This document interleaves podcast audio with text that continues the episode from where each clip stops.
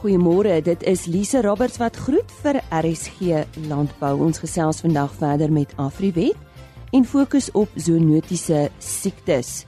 En die Maas gesels met Netafim oor doeltreffende bestuur van besproeiing. Ons stel hier voor aan die 2018 Toyota New Harvest boer van die jaar en praat ook met 'n plaasmeisie wat vandag 'n landbou fotograaf is. Ons begin veraloggend met vleispryse en dit is deurgegee deur Chris Derksen. En die pryse is behaal by veilinge in die Noord-Vrystaat. Die datum van hierdie veilinge was Dinsdag 13 November. Chris, terwyl ons nou na die einde van die jaar toe aanstap, is dit interessant om terug te kyk na die jaar in vergelyking met verlede jaar. En is hartseer om te sien dat speenkalvers is plus minus R5 per kilo goedkoper hierdie jaar as laas jaar dieselfde tyd en slagbeeste is omtrent R2 per kilo goedkoper. Nou dit meen vir 'n speenkalf in die orde van R1200 en vir 'n groot koei in die orde van R600-500 per stuk wat aansienlike verlies is vir ons almal. Gee vir julle die presiese pryse. Speenkalvers onder 200 kg R38.17 van 200 tot 250 kg R34.55 en oor 250 kg R33.11. A klasse R24.87, B klasse R22.04, C klasse vetkoeie R20.15 per kilogram lewendig en maarkoeie het gewissel van R17.80 tot R18.91 per kilogram. Slagbulle R22.53. Vanaf die skaapmark stoorlam R43 presies. Vetlam R33.57. Maar oeye, sogenaamde trade R29 wat hoër was as laas jaar en slagoeye R25.44 per kilogram. Van die Vryburgmark R44.98 vir lammers en oeye het gaan vir R28.09 per kilo. Indien ons van enige ander hulp kan wees, skakel maar enige tyd na 08280 75961. Baie dankie. Die stem daarvan Chris Derksen en hulle webtuiste is www.vleisprys.co.za. Ek het Dinsdagoggend met Dr. Jan De Pre van Afriwet gesels oor die One Health Kongres wat hulle daar in Kanada bygewoon het. Hy het vertel dat uh, menslike gesondheid en diergesondheid kan nie meer geïsoleer word nie. Hy het ook daar verwys na verskeie siektes en vandag gesels ons verder oor hierdie siektes. Hy is algemene bestuurder nuwe besigheidsontwikkeling by Afriwet.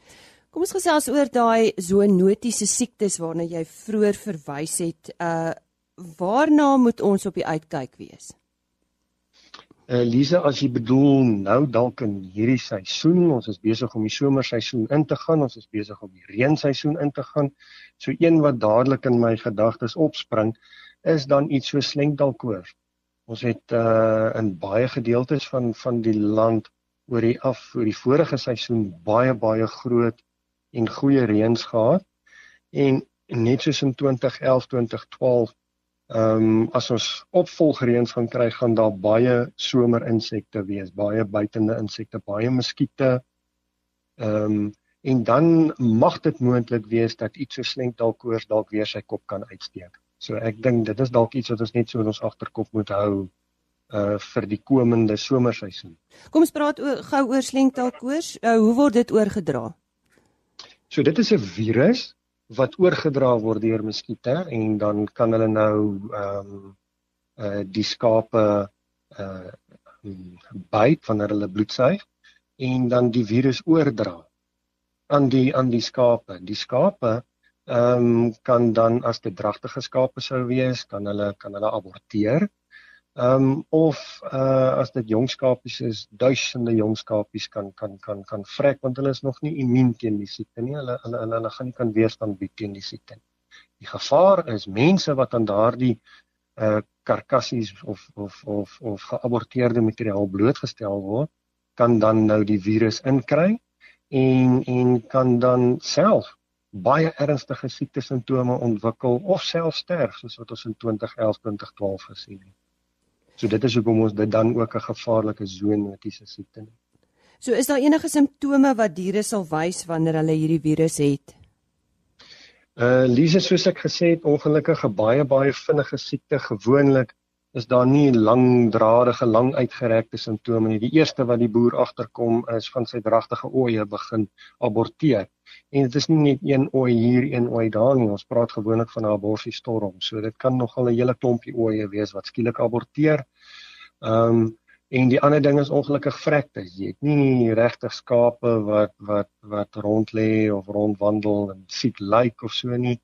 Ehm um, jy het meerendeels net geweldige vrektes wat plaasvind van van van van die jong skape.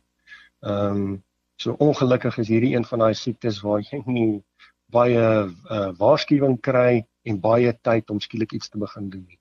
Uh mens mens moet dit vooraf probeer voorkom en dit wil sê 'n paar maande voordat die siekte kan begin uh kop uitsteek. Ja, wel jy's met jou daaroor gesels. Logiese volgende vraag.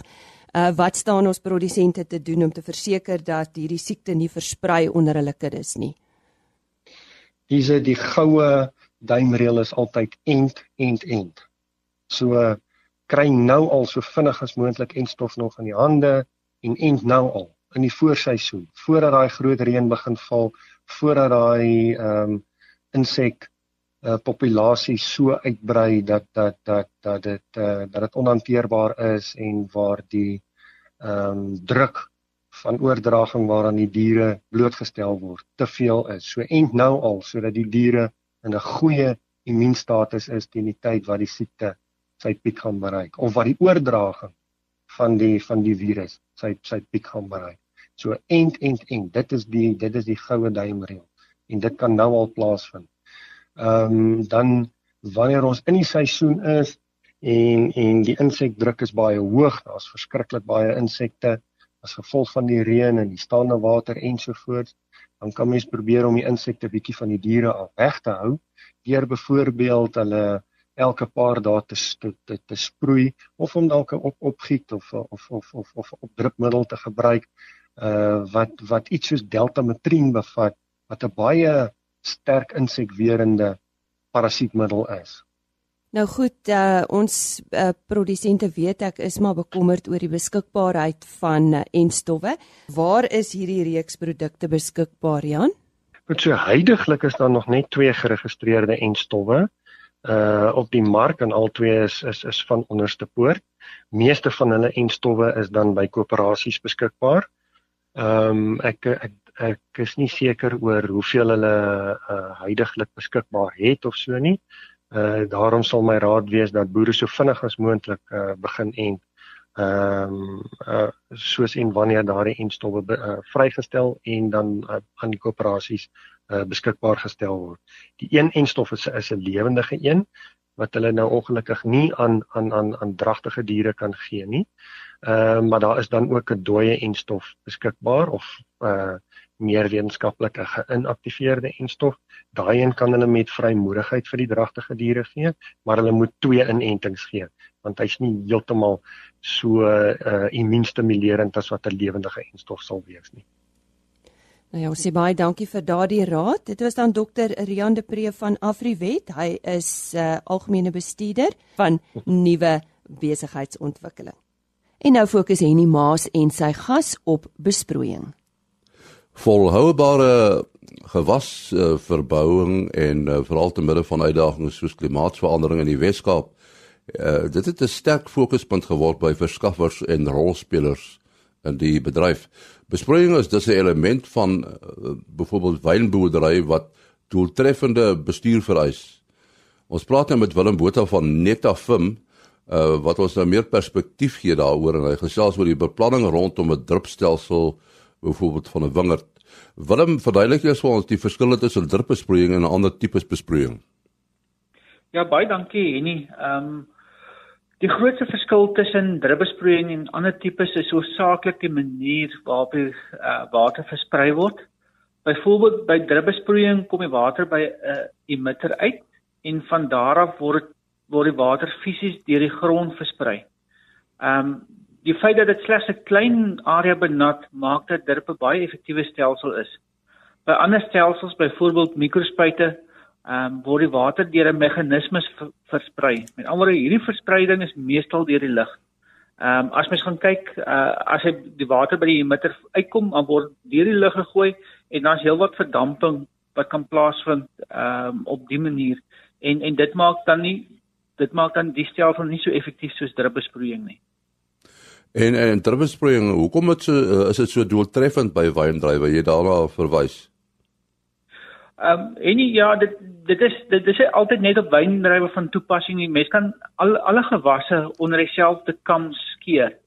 Ehm um, maar alles gaan oor hoe die water by die plant se wortels kom. Met ander woorde, die water word op 'n baie klein area geplaas en daar is dus baie min verdamping en baie min verdampingsverliese. Ehm um, die groot verskil tussen drip en enige ander stelsel is hoofsaaklik hierdie verdampingsverlies vir verliese wat wat mens kan kry of nie kan kry nie.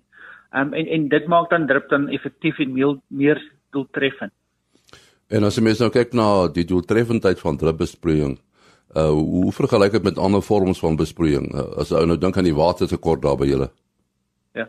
Drupbesproeiing kan seker maklik 20 tot 30% water spaar teenoor ander stelsels. Ehm um, dit kan selfs meer wees afhangende van van wat is die spesifieke toestande en wat is die spesifieke stelsels waarmee jy dit vergelyk.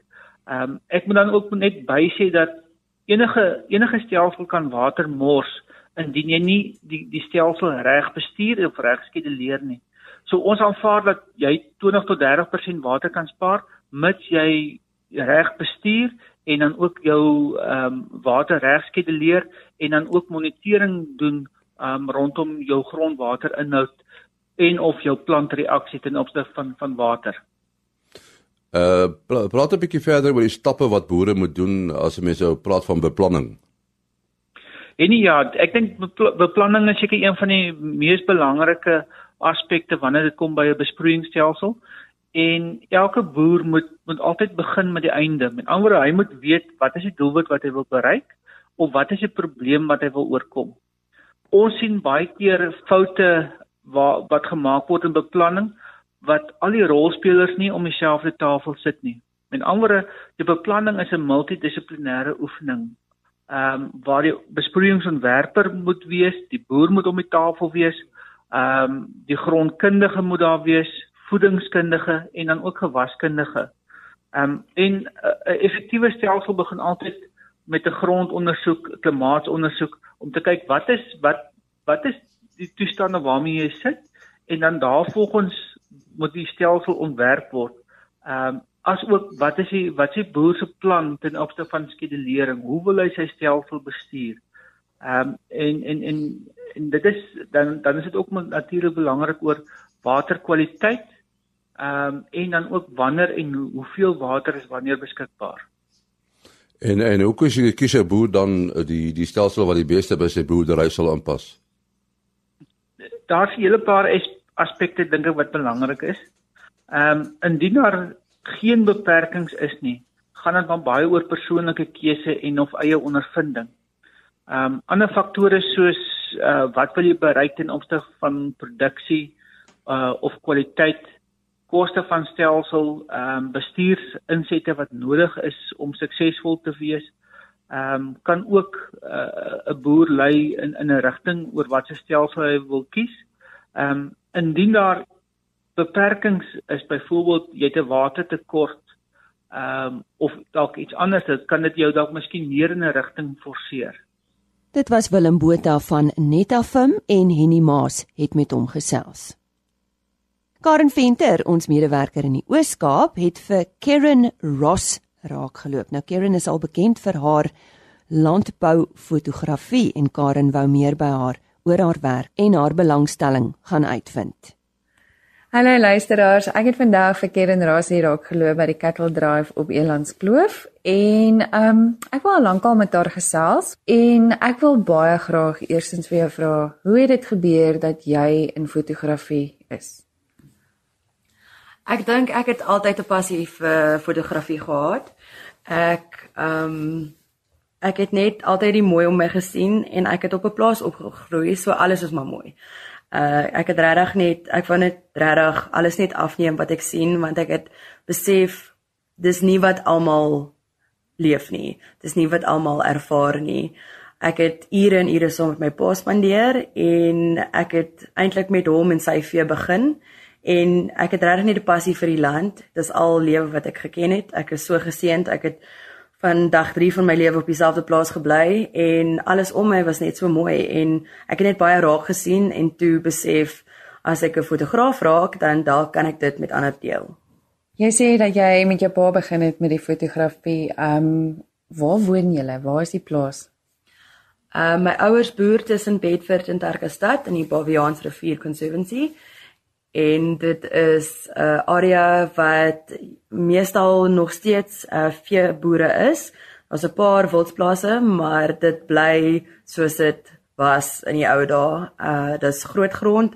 Dis baie verskeidenheid bos, 'n uh, bietjie karoo en baie baie mooi berge en meeste van die mense het nou beeste daar en so daar's daar's vee oral.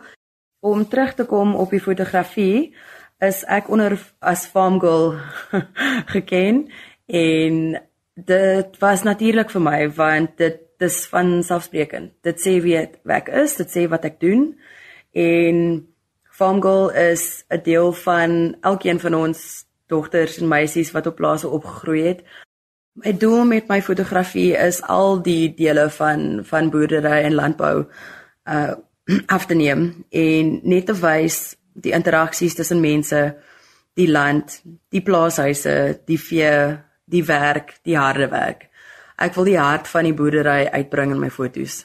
Ehm um, ek doen die standaarde veefotos, uh vir veilings en ek is bereid om dit te doen. Maar as ek meer van 'n storie kan vertel, is ek bly. As ek meer van die verhoudings kan wys, as ek die boer ehm um, kan afneem in sy natuurlike omgewing waar hy gemaklik voel, waar hy waarop hy trots is. Uh ek wil die werk in 'n baie positiewe en en geseënde manier uh wys. Enigiemand wat in farm girl photography belangstel, kan vir my Kieran Ross kontak op 082 511 3922 of per e-pos kieranross87@gmail.com. Die stem daarvan Karen Ross wat nou al bekend is vir haar plaasfotografie. Ek gesels ver oggend met Werner Dirks. Nou Werner is aangewys vanjaar in Oktober as die Toyota New Harvest boer van die jaar. Daar was heelwat kompetisie hierdie jaar in daardie afdeling En ja, ons het so 'n bietjie meer gaan uitvind oor sy boerdery, maar kom ons begin daar by die kompetisie. Wernet, goeiemôre. Hoe het jy hierdie kompetisie nou ervaar? Is dit die eerste keer wat jy deelneem? Ehm um, goeiemôre, um, Lisa. Ehm um, ek uh, dis dis die tweede keer wat ek ingeskryf het vir die kompetisie en yes, ehm um, ek ek weet jy moet ek wil nie sê 'n sterk boer wees om deel te wees van dit, maar die kompetisie raak elke jaar net net soveel ehm um, meer ehm um, um, um, sterker want daar daar is elke jaar beter boere en meer suksesvolle boere dink ek deel van dit. En dit was sommer 'n lekker pad om te loop en en te sien ehm um, hoe dat ek self dan ontwikkel omdat daar iets baie groot is waar hulle jou as as mens toets hoe jy teenoor jou ander medemens is en en en dit was vir my baie baie lekker ervaring geweest. Vertel ons jou storie. Hoe het jy by landbou betrokke geraak en hoe lank boer jy al?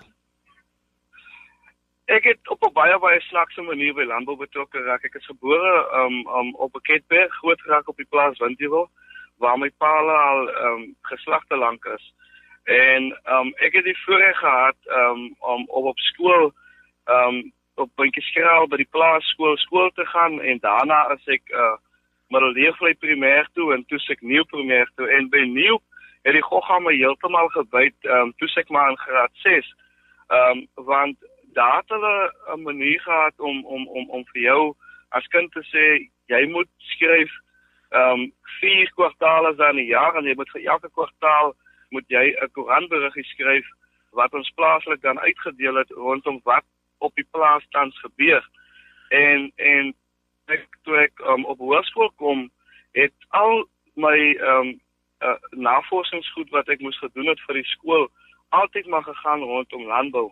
En in in Augustus 20 2006 het het het meneer regtig waar ek kom kom werk het, bepaal ons regtig appelregter se seun ehm um, my en twee ander manne die geleentheid gegee om vir elkeen drie oeilammers uit te kies, pastors. My oom het op daai stadium die ram geby gekry, so hy het 4 gehad en ons ander het 3 gehad. En ek het daarmee begin boer en in 2007 ehm um, het ons het ons die voorreg gehad om met 'n 100 skaap en 100 hektaar te kon kon begin boer. En dis maar hoe ek begin boer het ehm um, en en en die hierdie hierdie geleentheid was ongun ehm um, deur Wildewil boerdery aan ons om om te kon begin boer op daai stadium. Ja, so dis so bykans nou net so oor die 10 jaar. So ehm um, nou nou hoor ons die skape, maar dis nie dis nie waarmee jy uh, uh vandag boer nie. En presies waar is die plaas, Wernet?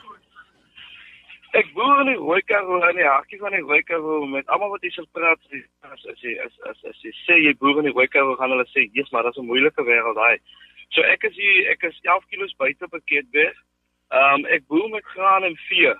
Hulle begin nou ek wil amper sê 50 50 as jy skaal nou. Ons het op 'n stadium baie baie groot korings geboer. Ehm um, wat wat nou vandag nie meer so is nie weens die droogtes. Ehm um, die risiko was net te groot om om duisende hektare te saai.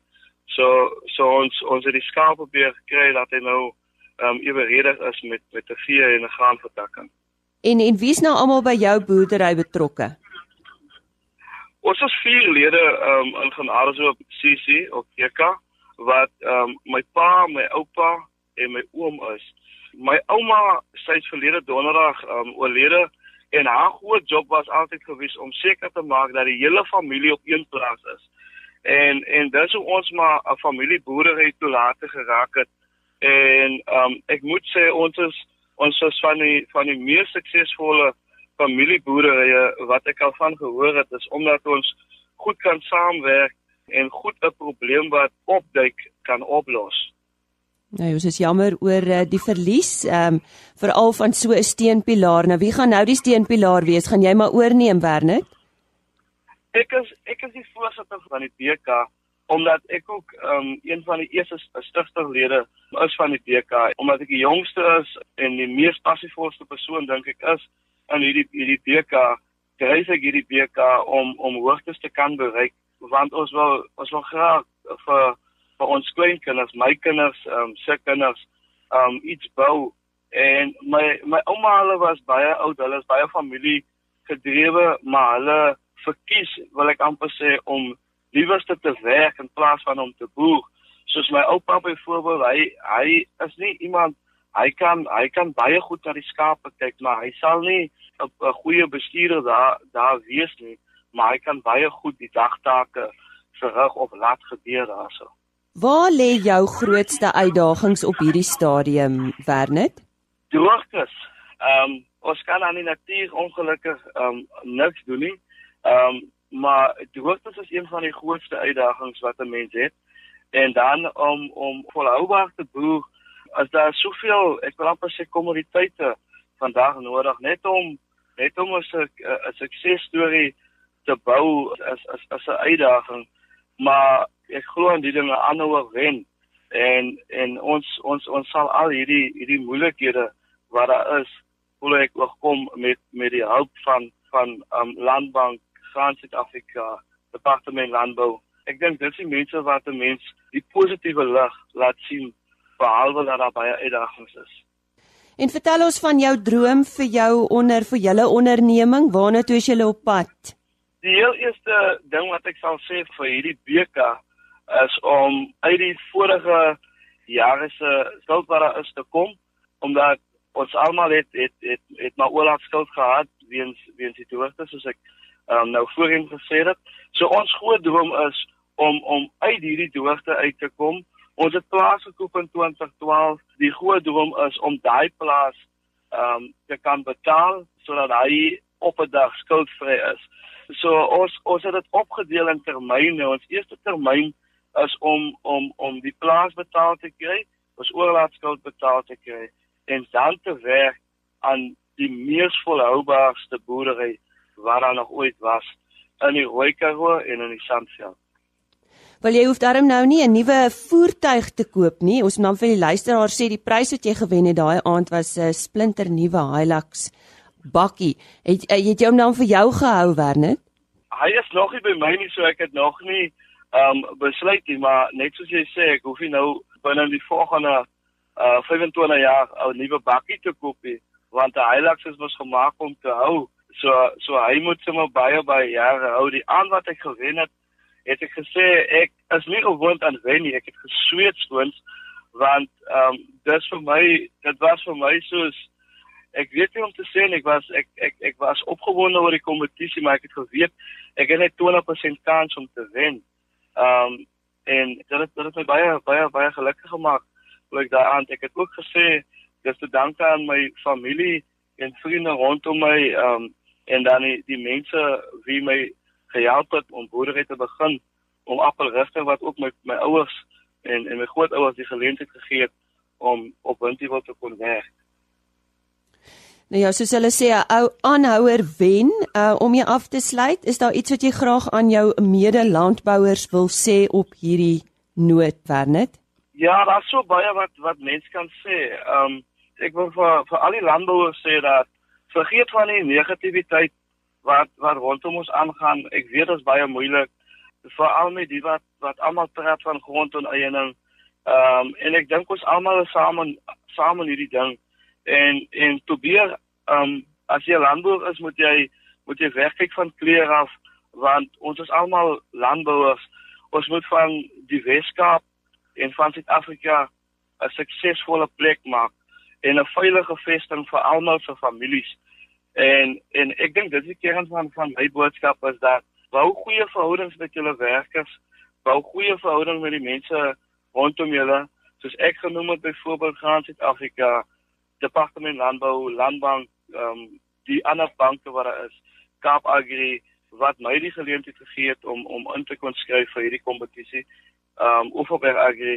So kan ons baie baie mense se name noem vandag maar die mees belangrikste ding is om baie baie goeie verhoudings te bou met die met die mense rondom jou en en en seker te maak dat jy bly positief en assosieer jou asseblief met positiewe mense. Nou ja, met daai wyse woorde sê ons baie dankie aan Wernet Dirks. Hy was vanjaar aangewys as die Toyota New Harvest boer van die jaar. Nou ja, dis dan RC Landbou van ons kant af vir hierdie week. Onthou Chris Viljoen is môreoggend om kwart voor 5 terug met nog RC Landbou nuus. Sterkte vir die res van die week en 'n goeie naweek word u toegewens. Ons kuier dan weer maandagooggend om 05:30. Totsiens. RC Landbou is 'n produksie van Plaas Media. Produksieregisseur Henny Maas. Aanbieding Lisa Roberts en inhoudskoördineerder Jolandi Root.